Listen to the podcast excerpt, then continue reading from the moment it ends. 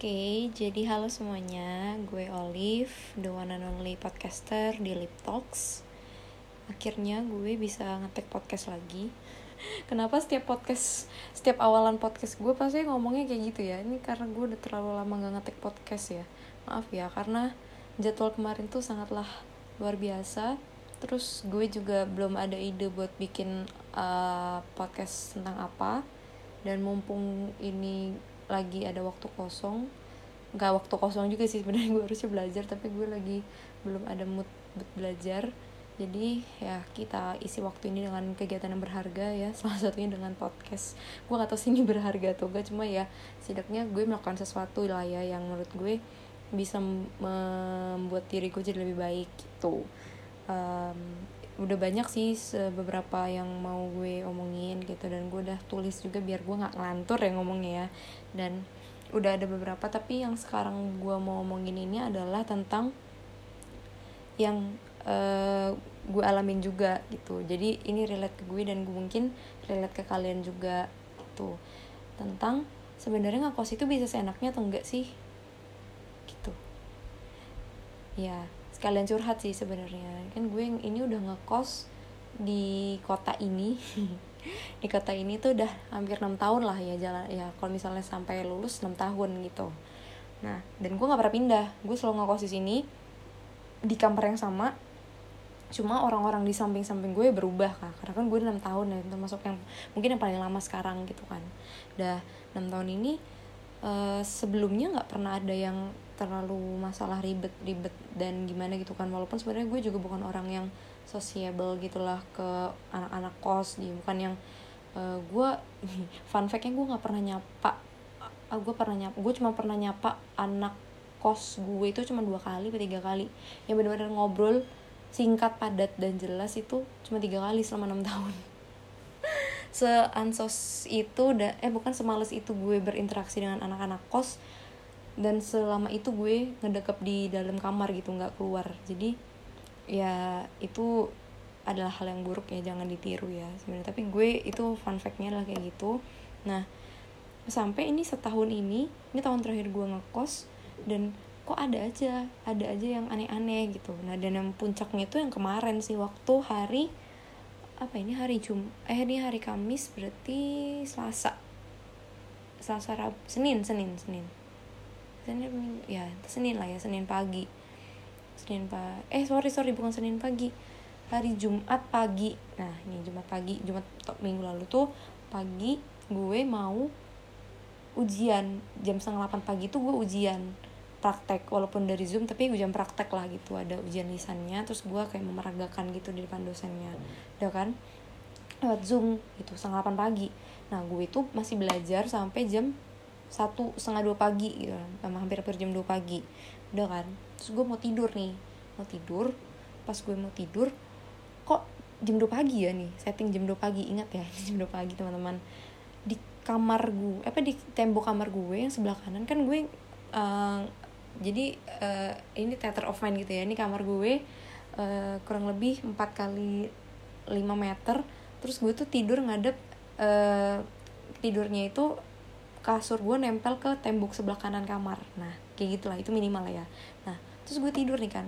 Tempat tidur di tembok sebelah kanan gue yang persis nempel sama tempat tidur itu ada bunyi geduk gebuk-gebuk tembok. Ngerti gak sih? Gebuk-gebuk tembok yang uh, lumayan kenceng gitu loh. Ini gue coba memperagakan ya biar kalian bisa ngerti bunyi kayak gimana nih. Kedengeran kalau kedengeran oke okay lah ya.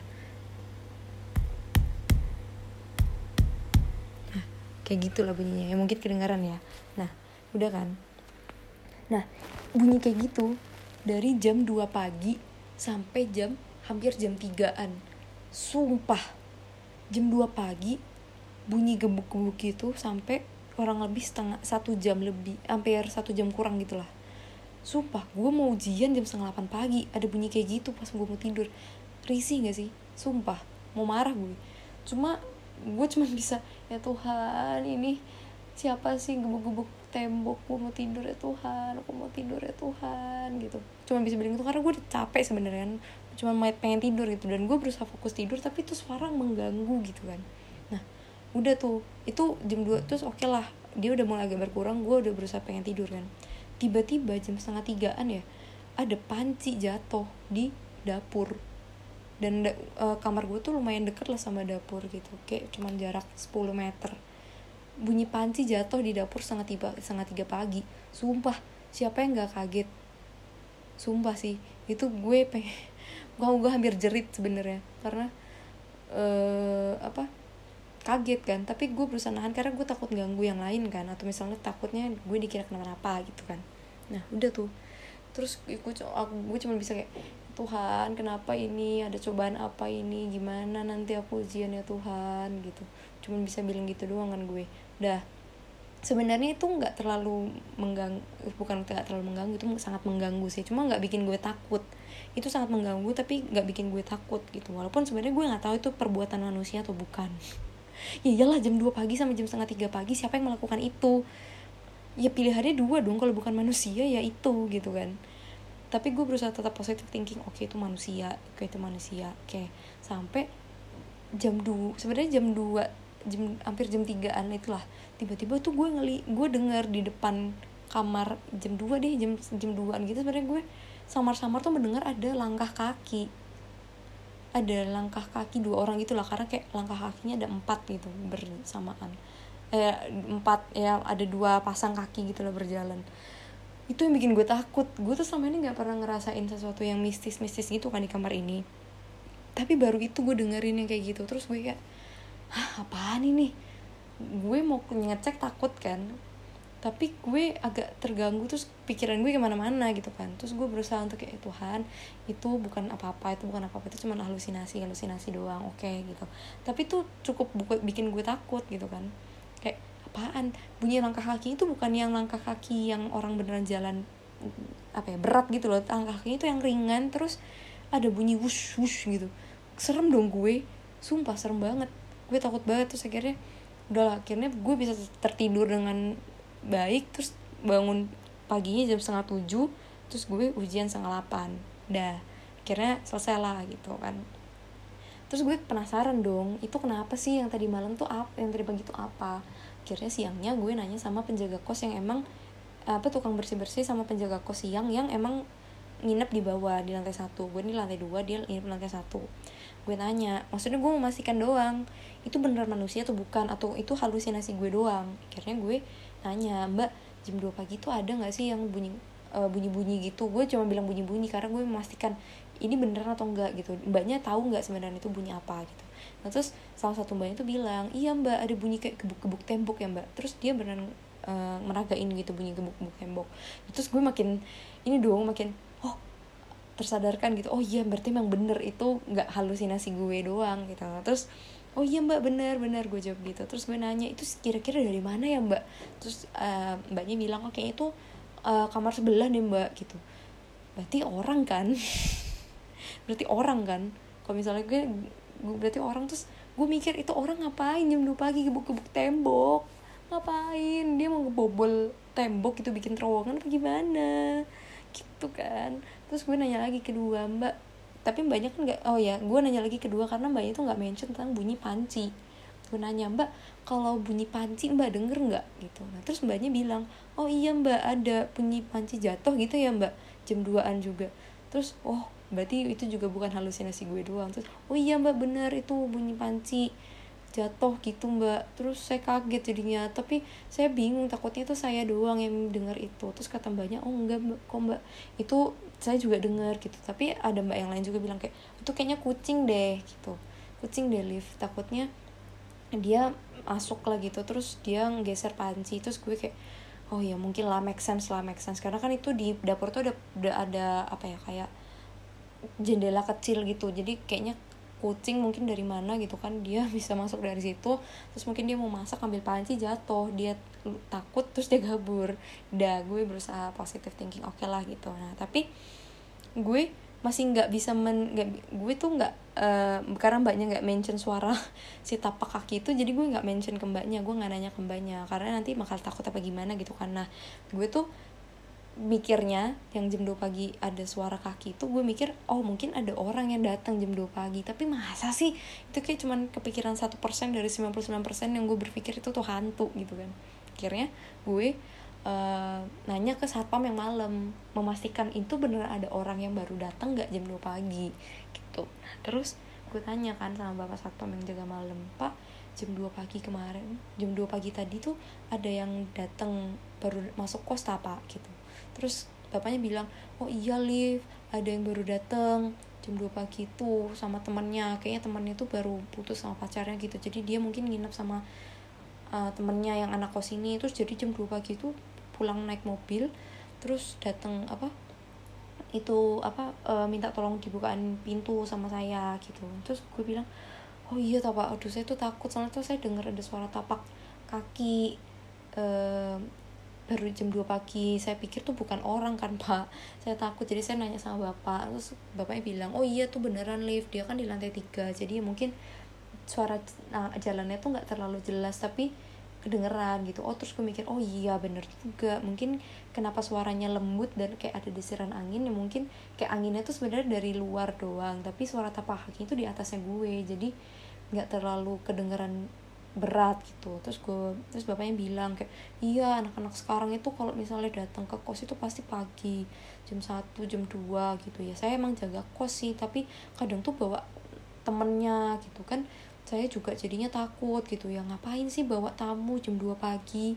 Yang bener aja nggak ada apa misalnya nggak so, nggak sopan lah gitu. Kalau misalnya mau bawa ya mending saya mending dia nginep di sini dari jam 10 jam 11 gitu daripada datang jam 2 pagi kayak gini. Kan nggak enak kalau namu.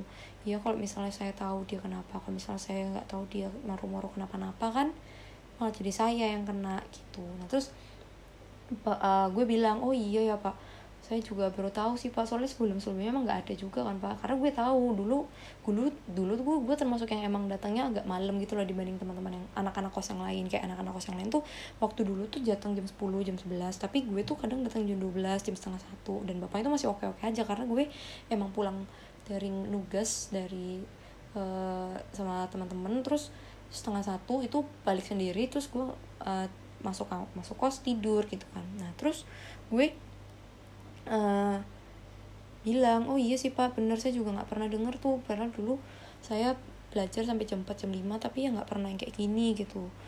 Terus gue cerita juga tentang masalah si bunyi tembok dan uh, bunyi panci itu. Cuma karena bapak itu di depan kan di lobi. Jadi gue kayak nggak bisa minta pertolongan sama bapaknya lebih cepat gitu kan. Takutnya malah jadi gimana gimana gue turun dari lantai dua ke lantai satu gitu kan. Jadi bapaknya bilang saya kalau misalnya ada apa apa bilang aja. Tapi ya kayak gitu sekarang itu. Terus gue jadi mikir kan gitu. Ya mungkin emang tempat kos gue aja kali ya yang terlalu terlalu apa terlalu baik gitu. Terlalu terlalu baik-baik kosnya. Anaknya juga mungkin dulu baik-baik gitu. Jadi gue nggak pernah ngerasain kos yang emang rame uh, orangnya sampai jam 3 pagi jam 4 pagi. Terus eh, nggak uh, pernah tuh ngerasain yang uh, pulang sampai jam 3 eh gue pernah sih pulang jam 3 jam 4 itu gara-gara uh, latihan ujian di kos temen terus paginya ujian jadi gue pulang ke kos tuh jam 3 jam 4 tidur bentar bis itu gue ujian. Pernah sih tapi gue nggak pernah yang sampai hahaha sama temen gue di kos gue jam 3 pagi terus yang berisik sampai malam banget gitu nggak pernah gitu ya. Kalau gue paling berisik kalau misalnya lagi uh, latihan nyanyi atau lagi uh, belajar gitu. Tapi nggak pernah yang sampai jam 10 jam 11 gitu loh. Nah terus gue mikir ini gue doang yang terlalu baik? Atau emang mereka nih sebenarnya udah kelewat batas gitu kan? Jadi tuh gue sebenarnya mau ngomongin yang ini sih kayak sebenarnya sebatas apa sih anak kos itu dibilang seenaknya gitu? Kalau menurut gue sih sebenarnya bukan masalah seenaknya atau enggak sih. Jadi lebih kayak dia tuh mikirin orang lain atau enggak gitu. Kayak ya ya jam 2 pagi ngetebuk-buk tegebuk-gebuk tembok. Dia mikir orang lain gak sih? Kayak gitu loh. Maksudnya ya enak atau enggak itu kan masing-masing ya. Menurut gue itu subjektif. Kayak misalnya gue cuman nyanyi nih jam 9 pagi jam eh jam 9 malam jam 8 malam gitu kan.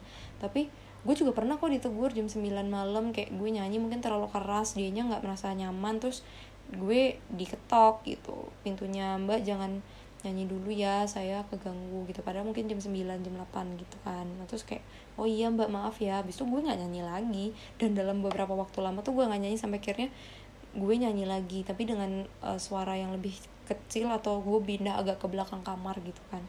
Nah itu kan karena gue berusaha mikirin orang lain kan gitu. Nah ini orang-orang kayak gini tuh sebenarnya dia mikirin orang lain gak sih gitu ya mungkin menurut dia enak gitu tapi kan dia nggak takutnya dia nggak mikir gitu loh menurut orang lain tuh enak atau enggak gitu.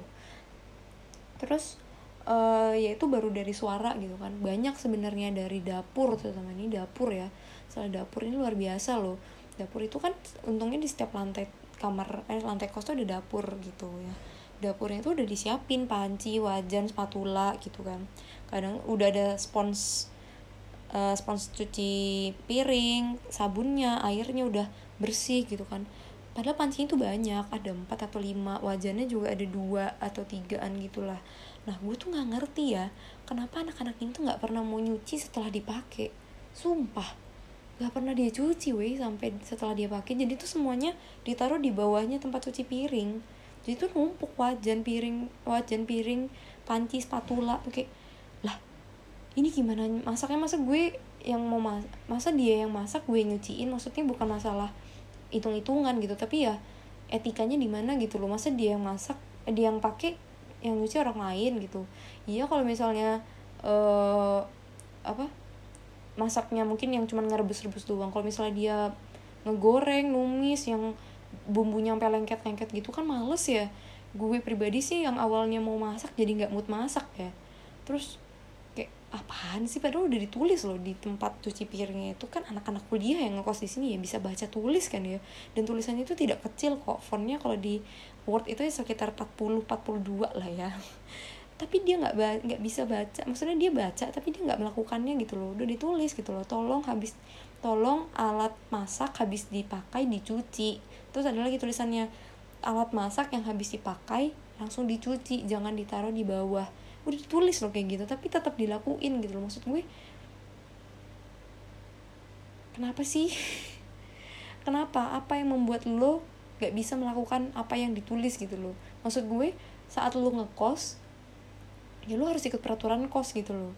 Tanpa tanpa terkecuali gitu ya. makanya emang kalau lo nggak cocok sama kosnya ya banyak yang pindah gitu. Tuh misalnya uh, dari pihak kos merasa banyak uh, yang komplain dia ganti pro, ganti peraturannya gitu kan. Itu ya itu solusinya lah win-win solution siapa yang mau ngalah gitu loh. Tapi saat lu udah milih ngekos di situ ya ikutin gitu loh. Dan itu bukan sesuatu yang aneh-aneh gitu loh. Cuman minta tolong habis dipakai alat-alatnya dicuci. Karena mau dipakai sama anak-anak lain kan simple ya. Nyuci piring itu gak lama loh.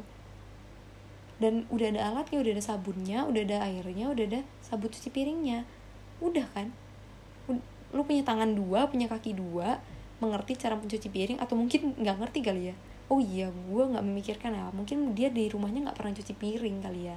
Kayak pembantunya lima uh, lima orang gitu kan. Jadi dia nggak pernah tuh cuci piring seumur hidupnya. Mungkin ya gue lupa memikirkan kemungkinan itu. Ya mungkin uh, hanya beberapa orang di kos ini yang bisa nyuci piring. Capek banget gue. Yang bener aja dong kesel banget. Gue sih kesel banget sih masalah-masalah dapur itu. Kayak lo anak kuliah lo belajar di kampus banyak hal berat tapi masalah cuci piring aja lo nggak bisa gitu loh. Ya emang nggak bisa di nggak bisa dibandingin sih. Cuma yang ya gue ngambil poinnya lo yang hal-hal simpel aja lo nggak bisa ngelakuin. Gimana lo melakukan hal-hal yang berat gitu loh. Itu kan peraturan simpel ya tinggal diikutin loh tapi tetap aja nggak diikutin gitu loh. Ya mungkin emang sengaja diikutin karena merasa nggak ada punishmentnya kali ya. Tapi ya menurut lo aja masa kayak gitu harus ada punishmentnya? Kayak anak TK deh. Kayak gitu deh. Terus ke berikutnya tadi masalah suara masalah dapur ketiganya masalah parkir. Masalah parkir ini bikin gue sakit kepala juga. Gue kan emang bawa mobil kan. Jadi dulu gue gue punya mobil gue punya motor sini. Dulu gue bawa motor tapi sekarang gue lebih sering bawa mobil udah tempat parkir mobil itu nggak banyak. Kayak cuman muat 8 mobil di depan. Motornya yang banyak. Karena emang anak-anak kos mungkin seringnya bawa motor gitu kan. Nah tapi baik motor maupun mobil banyak banget anak kos gue yang parkirnya itu nggak jelas. Dan gue nggak tahu ya di park di kos-kos lain tuh sama nggak ya? Ini masalah dapur dan ya masalah dapur juga gue nggak tahu ya di kos lain itu sama atau enggak ya. Cuma menurut gue parkiran kos gue ini aneh banget karena anak-anaknya tuh parkirnya aneh banget kayak motor nih ya. Dia tuh bisa parkirnya yang harusnya bentuk baris dia bentuk kolom loh. Pernah loh sekali dia harusnya bentuk baris nih pinggir-pinggir itu kan kayak baris kiri kanan kiri kanan kiri kanan tapi dia membentuk kolom di baris itu. Jadi harusnya harusnya bisa muat 2-3 motor itu cuma muat buat motor dia doang. Kan motornya banyak ya dan saat pam kos gue itu cuma satu. Yang benerin motor itu cuma beliau gitu kan terus dia harus benerin motor anak-anak yang aneh gitu. Ya kalau sekali doang. Kalau setiap hari ada satu dua ya gempor dong. Maksudnya itu udah ditasirin tempatnya lo tinggal bawa motor lo dengan baik dan benar geser dikit-dikit parkirin udah selesai gitu loh. Masalahnya kan mungkin dia nggak mikirin gitu kayak yang penting dia udah parkir gitu kan. Dia nggak mikirin kalau orang yang lain yang mau ngeluarin motor juga gitu loh nah terus kebanyakan anak kos ini ya gue cukup mengerti lah ya mungkin mereka takut kecolongan jadi kun, apa stang motor itu dikunci. Tapi itu di dalam kamar di dalam tempat kos oh ya tempat parkir motor gue itu ada di tengah-tengahnya kos. Jadi kayak harus masuk pintu kos dulu baru bisa ambil motor. Dia harus ngeluarin motor itu dari pintu yang cukup kecil baru dia bisa mengalingin motornya. Dan itu sangat tidak mungkin gitu loh menurut gue nggak akan apa akan sangat sulit gitu. Karena pagi aja penjaga kos gue deh dua malam penjaga kos gue bisa dua atau tiga orang. Ya susah gitu loh buat buat malingin motor tapi motornya itu dikunci stang gitu loh. Iya kalau misalnya dia parkirnya bener ya kalau parkirnya nggak bener kan mindahinnya susah banget ya. Mana yang mindahin sesama cewek lagi kan. Iya kalau motornya cuma sekedar beat atau mio kalau motor PCX mampus nggak tuh? Mampus sih kayak gue mau keluar naik motor aja udah nggak mood karena udah males ngeluarin motornya. Gue pernah sekali hampir ketimpa motor orang yang gue pindahin. Karena dia parkirnya parkirnya nggak jelas. Hampir tuh. Itu baru hampir loh. Dan gue nggak tahu ya bakal ada kejadian kayak gitu juga yang beneran kejadian atau enggak. Terus gue ya tolong lah ini tuh tempat parkir bersama bukan tempat parkir loh. Nggak bisa dong parkirnya kayak gitu. Masa nggak pernah parkir yang baik dan benar? Tolonglah gitu loh. Lu nggak tinggal sendiri di kos ini. Ya mungkin dulu di tempat di rumah lo ada satpam lima orang yang bisa benerin motor dan mobil lo sesuka hat apa sekuat mereka gitu kan. Ya tapi ini kan nggak ada yang kayak gitu gitu loh. Terus itu baru motor belum lagi mobil. Mobil itu juga aneh padahal tempatnya tuh dia dan mobil tuh paling susah gitu karena tempatnya kan sempit kan nggak terlalu besar gitu. Buat satu mobil aja tuh mepet. Jadi antara mobil satu dan mobil lain tuh ya mepet gitu kan. Tapi ada aja yang parkirnya miring.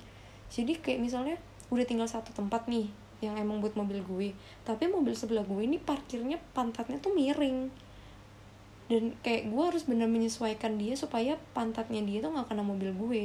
Pantat mobilnya nggak kena mobil gue. Tapi susah banget kan. Maksud gue kenapa sih? Kenapa sih lu udah bisa bawa mobil tapi lu nggak bisa cara parkir yang benar gitu loh? Ini bukan tempat lo doang. Itu ya itu cuma segelintir lah dari permasalahan di kos gitu kan dan gue nggak bisa bayangin kalau misalnya gue ngekos di tempat yang tidak sebaik ini gitu kan. Banyak gue berdengar gitu loh cerita banyak kos yang tempatnya lebih parah dan aneh-aneh gitu loh ya. Ya banyak lah kalian juga pasti dengar gitu kan. Gue nggak pernah bisa bayangin jadi gue bersyukur bisa ngekos di sini. Tapi kan ada orang-orang yang kayak gue tapi ngekos di tempat yang nggak kayak gue gitu loh. Apakah mereka bisa tahan gitu? Maksudnya ya tolonglah daripada membuat orang lain kesel dari lu sendiri bisa nggak sih berlaku dengan baik gitu loh? Ini kan uh, milik bersama ya gitu. Kalau misalnya dia kayak Siska Kol gitu kan emang suka seenaknya bukan bukan bukan gitu ya maksudnya ya. Gue gue mengumpamakan kayak Siska Kol gitu kan yang emang uh, orang kaya gitu ya punya banyak uh, pembantu banyak satpam. Mungkin kan dia nggak harus mikir gimana cuci piring gimana parkir mobil motor dan benar gitu kan. Jadi dia udah gitu tinggalin aja ya udah lu bebas lah di rumah lo sendiri gitu kan. Tapi ini kan di tempat kos ya tolonglah ikuti peraturan yang ada di kos jadi anak yang baik dan menyenangkan gitu loh buat menjaga kos satpam dan anak-anak kos yang lain gitu loh.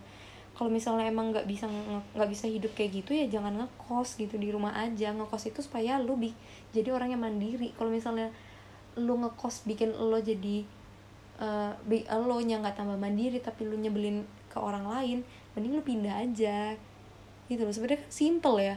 Kalau misalnya lu mau lu uh, mau diperlakukan dengan baik orang lain ya lakukan orang lain dengan ma oh, or lu mau iya. Kalau lu mau diperlakukan dengan baik oleh orang lain ya lakukan hal yang baik orang lain gitu loh. Itu uh, konsep manusia konsep berhubungan sosial manusia yang baik gitu kan. Kok ini susah banget? Ya ini udah 25 menit ya 25 menit. Gue bercerita curhat betapa keselnya gue gitu kan. Nah mungkin